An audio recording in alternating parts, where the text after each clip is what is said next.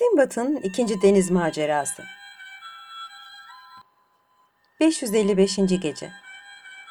Rahat ve huzur içinde yaşadığım yeknesak hayat son zamanlarda hoşuma gitmemeye başladı. Evvelki maceramda başıma gelenleri unutarak tekrar yeni bir deniz seyahatine çıkmaya karar verdim. Bağdat'tan yükte hafif, pahada ağır ticaret malları alıp Basra'ya gittim. Orada sefere çıkmak üzere olan büyük ve güzel bir gemi gördüm. Ona mallarımı yükletip içinde bulunan seyyahlara ve tüccarlara katıldım. Gemi iyi ve rahattı. Birçok limanlara uğradık. Yaptığımız alışverişlerde epey de para kazandık. Nihayet büyük ve güzel bir manzaralı adaya geldik. Yol arkadaşlarımız bu adaya inmeye karar verdiler.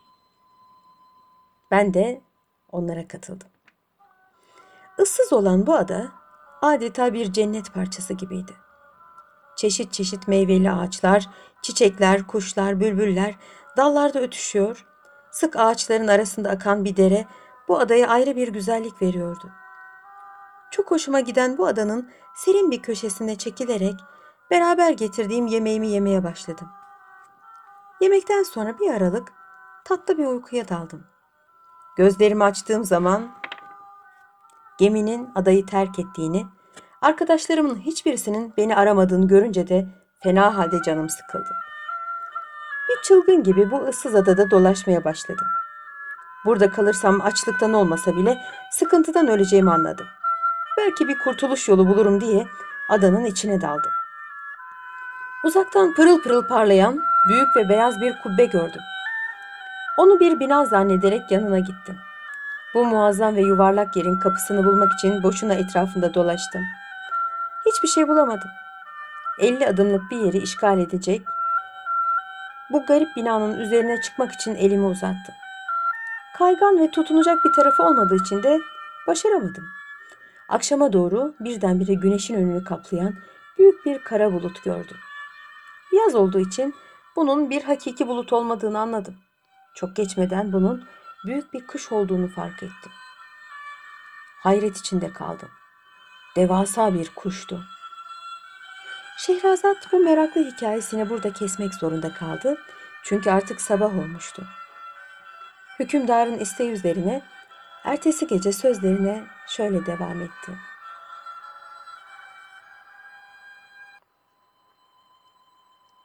...556. gece. Bu kuşun hakkında seyyahlardan bazı şeyler işittiğimi hatırladım. Yavrularını fil yedirerek besleyen bu kuşa rıh derlermiş. Hali adalarda bulunuyormuş. Meğer o yuvarlak büyük cisimde onun yumurtasıymış. Rıh kuşu o yumurtanın üzerine kanatlarını açarak geceyi öylece geçirdi. Birdenbire aklıma bir fikir geldi. Bu ıssız adadan kurtulmak için o büyük kuştan istifade etmeyi düşündüm. Hemen sarığımı başımdan çıkardım. Onu uzun ve sağlam bir ip gibi yaparak yarısını belime, kalan diğer yarısını da usulcacık o rıh kuşunun ayaklarına sıkıca bağladım. Her ihtimale karşı sabaha kadar gözlerimi kapamadım. Güneş doğunca kuş uyandı. Korkunç bir sesle öterek havalandı. Ben kendimi toparlayıncaya kadar göklere uçtuğumu gördüm. Kendi kendimi teselli etmeye başladım. O ıssız adada ölmektense böyle muhataralı bir işe girişmek daha iyidir. Bu kuş mutlaka beni mamur bir yere bırakacaktır. Rıh kuşu yıldırım süratiyle uçuyordu. Ne kadar yol aldık bilmiyorum. Nihayet yüksek bir yere kondu. Ben de usulcacık ona hissettirmeden ayağına bağladığım ipi çözüp bir yere saklandım. Kuş yerde sürünen büyük bir yılanı kaparak denize doğru uçtu. Bu işe hayret ederek etrafıma baktım. Derin bir uçurumun kenarında durduğumu, arkamda da yüksek bir dağın bulunduğunu anladım. Atıldığım bu maceraya pişman olmuştum. Issız adadan kurtulayım derken daha tehlikeli bir yere düşmüştüm. Hiç olmazsa adada yiyecek meyveler, içecek sular vardı. Bu dağ başında bir şey yoktu ki. Belki bir yol bulurum ümidiyle dolaşmaya başladım. Büyük yılanlarla ve akreplerle dolu olan bu dağ başında külliyetli miktarda elmas ve kıymetli taşlarla birçok madenler vardı. Yılan ve akrepler rıh kuşunun korkusundan her biri bir yere sinmişlerdi. Ancak gece meydana çıkabiliyorlardı. Ortalık kararınca Hem bu tehlikeli hayvanlardan kendimi korumak hem de uyumak için kendime bir yer aradım. Nihayet bir mağara buldum. İçine girip kapısını büyük bir taşla kapadım. Tam oturup dinleneceğim sırada karşımda büyük bir yılanın yumurtalar üzerine yattığını gördüm. Korku ve heyecandan tir tir titremeye başladım. Her şeyi gözüme alarak sabaha kadar olduğum yerde kaldım. Yılan nedense yerinden kımıldanıp bana bir şey yapmadı. Yine sabah oluyordu. Hükümdar masalı ertesi akşam devam edilmesini istedi. Şehrazat da yarıda bıraktığı masalına ertesi akşam şöyle devam etti.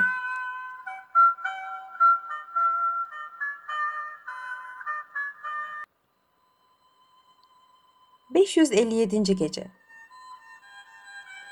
Sabah olunca mağaranın kapısına koyduğum taşı kaldırarak kendimi dışarıya zor attım. Açlık, susuzluk ve korku beni çılgına döndürmüş, ne yapacağımı bilemiyordum. Birdenbire dağın tepesinden bir öküz ve bir koyun leşinin düştüğünü gördüm. Vaktiyle işittiğim şu hikaye aklıma geldi. Büyük bir dağın eteğinde elmas ve mücevheratlar varmış. Ona inmek mümkün olmadığı için tüccarlar, kuyumcular, koyun, sığır gibi hayvanları keserler ve dağın altında bulunan o yere atarlarmış. Büyük yırtıcı kuşlar gelip onlara elmas ve kıymetli taşlar yapışan o leşleri alırlar, dağın tepesine çıkarırlarmış. O sırada pusu kuran tüccarlar ve kuyumcular meydana çıkıp kuşları kovalarlar ve bu hayvan leşlerindeki mücevherleri alırlarmış. Bu hikayenin bir hakikat olduğunu artık şüphem kalmamıştı. Hemen o mücevher ve elmaslardan ceplerimi ve koynumu doldurdum. Yanımda duran ipi alıp o öküz leşinin altına girdim ve usulca üzerime bağladım. Bir saat öylece kaldım. Nihayet tahminim doğru çıktı. Kocaman bir kartal gelerek pençelerini öküz leşine taktı ve havalandı. Tam dağın tepesine gelince o leşi rahatça yemek için yere bıraktı. O sırada pusu kurmuş olan birkaç kişi ellerinde sopalar olduğu halde meydana çıkıp kuşun üzerine hücum ettiler. O da korkarak kaçtı. Çok geçmeden eli sopalı bir adam öküz leşinin yanına geldi. Beni görünce irkildi. Sonra kendini toparlayarak leşi gözden geçirdi. Ona bir şey yapışmadığını görünce dişlerini gıcırdatarak haykırdı. Bu ne talihsizlik. Ve bana dönerek ilave etti. Sen kimsin? Benim rızkıma mani olmak için mi bunu yaptın? Onu teskin ederek korkma dedim. Ben senin gibi bir insanım. Ticaret için yurdumdan ayrıldım. Başıma birçok felaketler geldi. Ben sana umduğundan fazla elmas vereceğim merak etme. Sonra maceramı başımdan sonuna kadar anlattım. Adamcağız hayretle dinledi. Koluma girerek beni orada bulunan meslektaşlarına takdim etti. Beni kurtaran adama yanıma aldığım elmaslardan bir miktar verdim ve onunla beraber dağ yolunu takiben şehre gittik. Yolda adam sağda solda sürünen yılanları göstererek Allah seni büyük felaketten kurtardı. Bu gördüğün tehlikeli mahluklar hep o geldiğin yerin mahsulüdür dedi. Şehrazat bu meraklı hikayesini burada kesmek zorunda kaldı çünkü artık sabah olmuştu. Hükümdarın isteği üzerine ertesi gece sözlerine şöyle devam etti.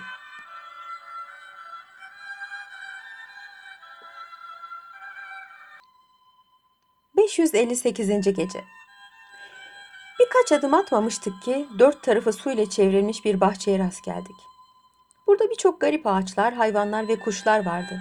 Bilhassa gergedan adındaki vahşi hayvanın çokluğu dikkat nazarımı çekmişti. Oradan ayrılıp elmas tüccarlarının şehrine girdik. Birkaç gün orada istirahat ettikten sonra aldığım elmas ve mücevheratla iktifa ederek Basra'ya hareket eden bir gemiye bindim. Oradan da Bağdat'ı kolayca buldum. Getirdiğim elmasları ve kıymetli taşları iyi bir fiyata sattım. Böylelikle gittikçe artan servetimin sayesinde muhteşem bir hayat yaşamaya başladım.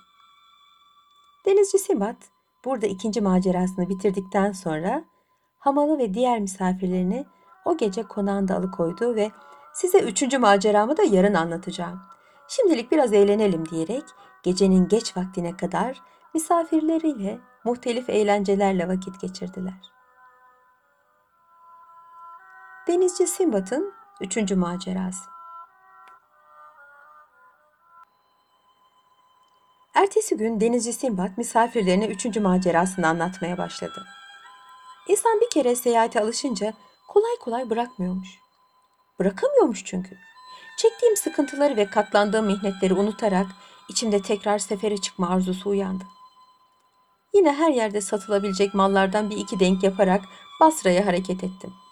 Orada kaptanı tecrübeli, tayfaların namuslu ve çalışkan bir gemiye bindim. Yol arkadaşlarım da iyiydi. Onlar da tüccardı. Bir müddet seyahatimiz iyi geçti. Uğradığımız yerlerde hem çok güzel eğlendik hem de çok para kazandık.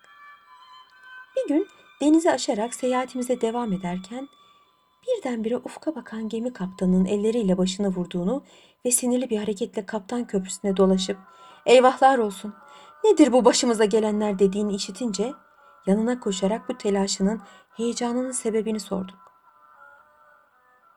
Yine sabah oluyordu. Hükümdar masala ertesi akşam devam edilmesini istedi.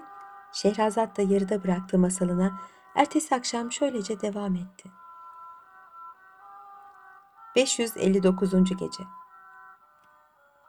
Kaptan acı acı inledi. Arkadaşlar dedi. Rüzgar bizi başka sulara attı. Talihsizliğimizden olacak şimdi önümüzde. Canımızı kurtaracak bir yer var. O da maymunların dağı dedikleri yerdir. Burası da tehlikeli ve muhataralı bir yerdir. Buradan canımızı kurtarmak zordur. Bununla beraber yapılacak başka bir çare olmadığı için göz göre göre denizlerin ortasında açlıktan ve susuzluktan ölmektense bu dağa iltica etmek daha ehvenişerdir. Kaptan bu sözleri söylediği sırada gemimiz Maymunlar Dağı'na iyice yaklaşmış bulunuyordu. Öyle ki çok geçmeden sürülerle iri iri maymunlar gelip tırmanmaya başladılar. Bunlara silah çekmenin sonu kötü olacağını düşünerek onları iyilikle ve yumuşaklıkla karşılamaya karar verdik. Maymunlar gemimizin iplerini çeke çeke onu sahile yanaştırdılar. Sonra sürü halinde gemiye atılarak gözümüzün önünde mallarımızı yağma etmeye başladılar. Kaptan ve diğer yolcularla tayfalar canımızı kurtarmak ümidiyle maymunların işareti üzerine karaya indik. Adanın bol ve lezzetli meyvelerinden karnımızı doyurarak birkaç gün sahile yakın bir yerde kaldık. Nihayet bir kurtuluş çaresi aramak maksadıyla adanın içerisine doğru yürüdük. Sahilden bir hayli uzaklaşmıştık ki önümüze büyük bir bina çıktı. Sevinerek o tarafa doğru koştuk. Bu muazzam sarayın açık olan kapısından içeriye girdik. Geniş bir avlusu olan bu binada kimseler yoktu. Yalnız büyük kazanlar, lengerler ve şuraya buraya atılmış kemikler, yemek artıkları göze çarpıyordu. Binanın odalarında serili olan hasırlara, çoktan beri hasret kaldığımız rahat uykulara kavuşabilmek için uzandık. Çok geçmeden derin bir uykuya dalmıştık ki ancak güneş batmak üzereyken gök gürültüsünü andıran bir sesle uyandık. Sesin geldiği tarafa baktığımız zaman gördüğümüz manzara bizi tir tir titretmişti. Adeta damarlarımızdaki kanı dondurmuştu. Kocaman bir çınar ağacı boyunda dev gibi bir adam sarayın ortasında durmuş bize fena fena bakıyordu. Dişleri fil hortumuna benzeyen bu devin gözlerinden şimşek çakıyor, bir kuyuyu andıran ağzı insana korku ve dehşet salıyordu. Şehrazat bu meraklı hikayesini burada kesmek zorunda kaldı. Çünkü artık sabah olmuştu. Hükümdar da anlat dedi Şehrazat'a ertesi gece.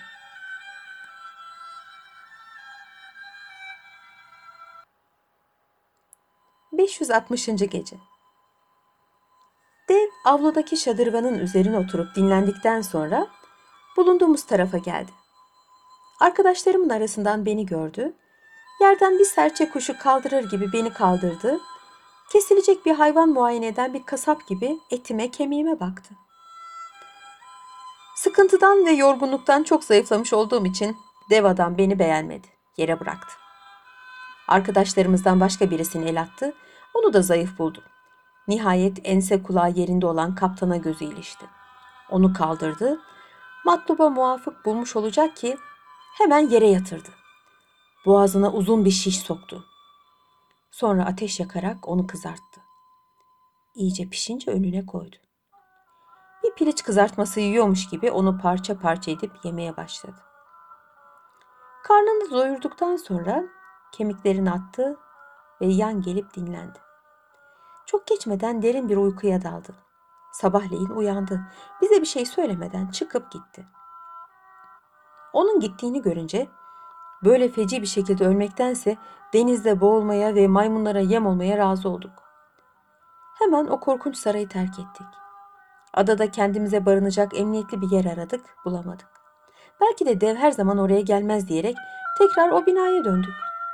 Devin bizi görmeyeceği bir odaya girip saklandık. Fakat bu tedbirimiz de boşa çıktı. Hava kararınca yine dev meydana çıktı. İçimizden en semizini seçip gözümüzün önünde kızartıp yedi. Sonra derin bir uykuya daldı. Ertesi günde çekip gitti. Artık bir daha ne olursa olsun bu uğursuz salhaneye gelmemeye karar verdim. Bunu arkadaşlarıma söylediğim zaman onlar şu fikri ortaya attılar. Şu devi ne yapıp yapıp öldürmeliyiz. Ondan sonra buradaki tahtaları söküp bir kayık yaparız. Maymunların bulunmadığı bir sahile götürüp onunla denize açılırız. Ya yolda bizi bir gemi görür kurtarır yahut da daha emniyetli bir yere çıkarız. Hepimiz bu fikri beğendik. Yalnız devi öldürmeden evvel kayığı hazırlamayı daha münasip bulduk. Hemen faaliyete geçerek tahtaları söküp dışarıya çıkardık. Akşama kadar durup dinlenmeden çalışarak büyük bir kayık meydana getirdik. İçine yiyecek vesaire koyarak emniyetli bir sahile indirip bağladık. Sonra hepimiz devi öldürmek üzere saraya döndük. Ortalık kararınca sarayın en tenha odalarından birinde gizlendik. Fakat dev hemen yerimizi keşfetti. Sabah olmuştu. Şehrazat gülümseyerek hikayesini ara verdi. Hükümdar da masalı ertesi akşam devam etmesini istedi. Şehrazat o akşam tatlı tatlı anlatmaya başladı.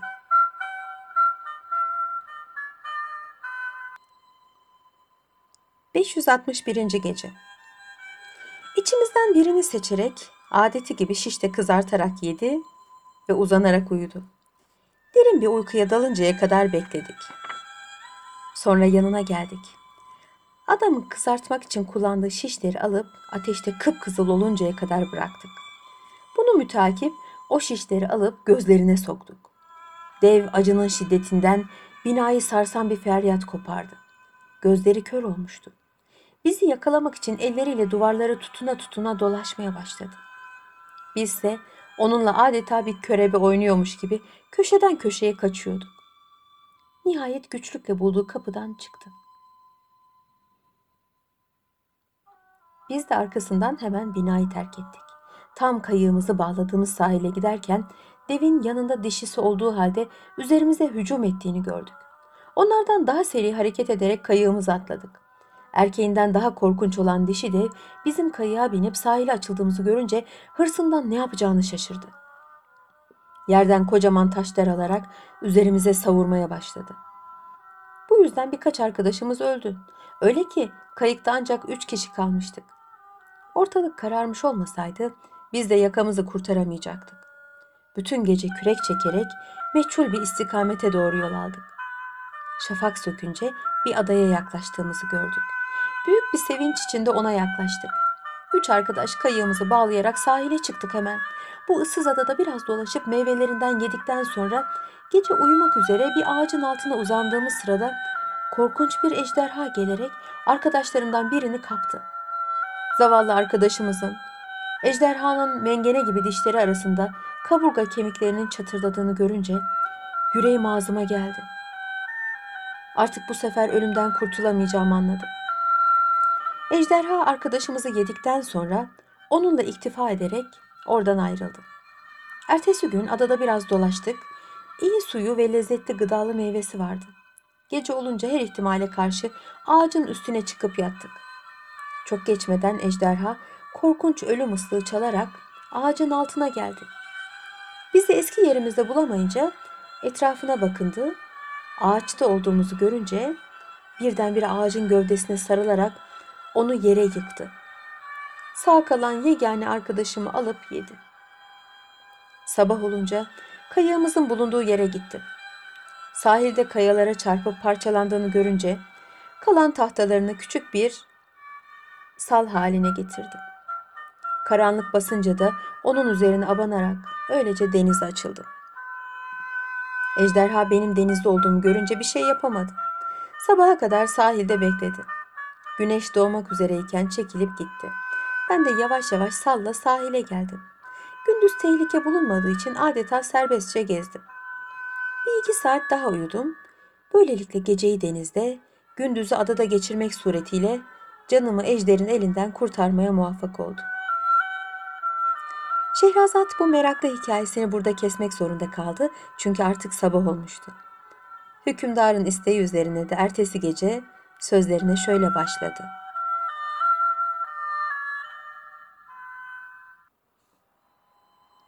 ...562. Gece Günün birinde uzaktan bir gemi gördüm. Kocaman bir dal keserek ona sürekli işaretler vermeye ve yüksek sesle bağırıp imdat istemeye başladım. Geminin kaptanı bir kazazede olduğumu anlamış olacak ki bulunduğum adaya bir kayık indirerek beni gemisine aldı. Kim olduğumu sordu. Ona başımdan geçenleri anlatınca da hayrette kaldım. Üzerimdeki elbisenin paramparça olduğunu görerek bana temiz bir takım esvap çıkardı. Aylarca hasret kaldığım sıcak bir aş verdi. Ben artık dünyaya yeni gelmiş gibi olmuştum. Eski zindeliğim yerine gelmiş, korku ve heyecanın tesiriyle sarsılan sıhhatim de düzelmişti. Sakin bir denizde birkaç günlük bir seyahatten sonra nihayet Salahta adında mamur bir adaya yanaştık. Gemideki tüccarlar beraberlerinde getirdikleri malları karaya çıkartıp satmaya başladılar. Bir aralık gemide düşünceli durduğumu gören kaptan beni yanına çağırarak "Sen çok felaketler atlatmış talihsiz bir adamsın." dedi. "Sana yardım etmek istiyorum. Bizim ambarlarda sahibi kazaya kurban gitmiş bir tüccarın malları vardır. Onları al, adada sat. Paralarını bana getir. Onun Bağdat'ta varisleri vardır. Kendilerine vereceğim. Bu iş için sana ayrıca para veririm. Kaptana teşekkür ettim ve onunla beraber ambara indim. Kaptan gemi katibine o malları dışarıya çıkarmasını emredince katip sordu. Bu mallar satılınca kimin hesabına yazalım? Kaptan, denizci Simpat diye yazarsın. Basra'ya döndüğümüzde onların bedellerini Bağdat'ta ailesine göndeririz. Kaptanın verdiği bu cevabı işitince bahsettiğiniz denizci Simbat benim diyecek oldum. Fakat biraz daha sabretmeye muvaffak buldum. Biraz sonra mallar karaya çıkarılıp da kaptanın yanında kimse kalmayınca Sayın kaptan dedim. Siz bu denizci Simbat'ı tanır mısınız? Kaptan başını salladı. Hayır, yalnız adını biliyorum. Bizim gemide yolcuydu. Bir adaya yanaştık. Orada birkaç kişi battı. O da onların arasındaymış. Bunun üzerine bağırdım. Ey kaptan, bahsettiğin adam işte benim. Adım Simbat'tır. Bu mallar da benimdir. Sonra başımdan geçen macerayı anlatarak ilave ettim. Dağdan elmas ve mücevherat alan tüccarlar bana bu hususta şehadet ederler. Bu sözlerimi işiten yolcularla tüccarlar başıma koşuştu. Kimi bana inandığı, kimi yalan söylediğimi zannetti. Nihayet içlerinden birisi, ben bu adamı tanırım. Elmas toplamak için yırtıcı kuşlara bıraktığım kesilmiş hayvan cesedine tutunmak suretiyle hayatını kurtarmış, bana da topladığı elmaslardan bir miktar vermişti. Sayesinde epeyce servet sahibi olmuştum. Aynı zamanda onunla Basra'ya kadar da yolculuk ettim. Bütün mallar dediği gibi onundur. Bunun üzerine kaptan yüzüme dikkatli dikkatli baktı. Tanır gibi oldu. Mallarımın içinde neler bulunduğunu sordu ve onun gemisindeyken aramızda geçen bir hadiseyi hatırlattım. Kaptan bu sefer tamamıyla kanaat getirdi. Mallarımı teslim etti ve özür dileyerek hakkını helal etmemi söyledi. Yine sabah oluyordu. Hükümdar masalı ertesi akşam devam edilmesini istedi. Şehrazat da yarıda bıraktığı masalına ertesi akşam şöyle devam etti.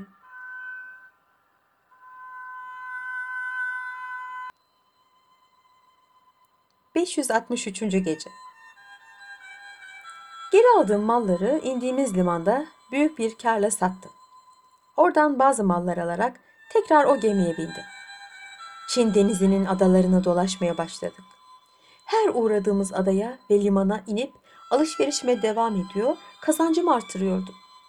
Bu denizlerde çok garip yaratılışlı balıklar ve kuşlar gördüm. Bunlardan bilhassa inek ve merkep biçimindeki balıklar, denizde yumurtlayan ve büyüyen kuşlar çok dikkatimi çekmişti. Elimdeki malları satıp bitirince Basra'ya döndüm. Oradan Bağdat'a hareket ettim. Benden ümidini kesen ve öldüğümü zanneden akraba ve dostlarım salimen döndüğümü görünce büyük bir hayret ve sevinç içinde kaldılar. Günlerce dönüşümün şerefine eğlendiler. Ziyafetler tertip ettiler. Ben de konağıma çekilerek istirahat ettim. Birkaç gün içinde her şeyi unutmuşum. Simbat bu macerasını anlatıp bitirince adeti gibi misafirleriyle kurulan yemek sofrasına oturdu. Yiyip içtikten sonra Hamal'a bir miktar altın verdi ve yarın gel sana bundan sonraki seyahatimi anlatacağım. Onlar da çok meraklıdır diyerek Hamal'ı uğurladı. Hamal ertesi gün erkenden Simbat'ın evine geldi. Simbat gene büyük ziyafet sofrası kurdurmuştu. Hamal'la diğer misafirlerin hepsinin geldiğini görünce anlatmaya başladı.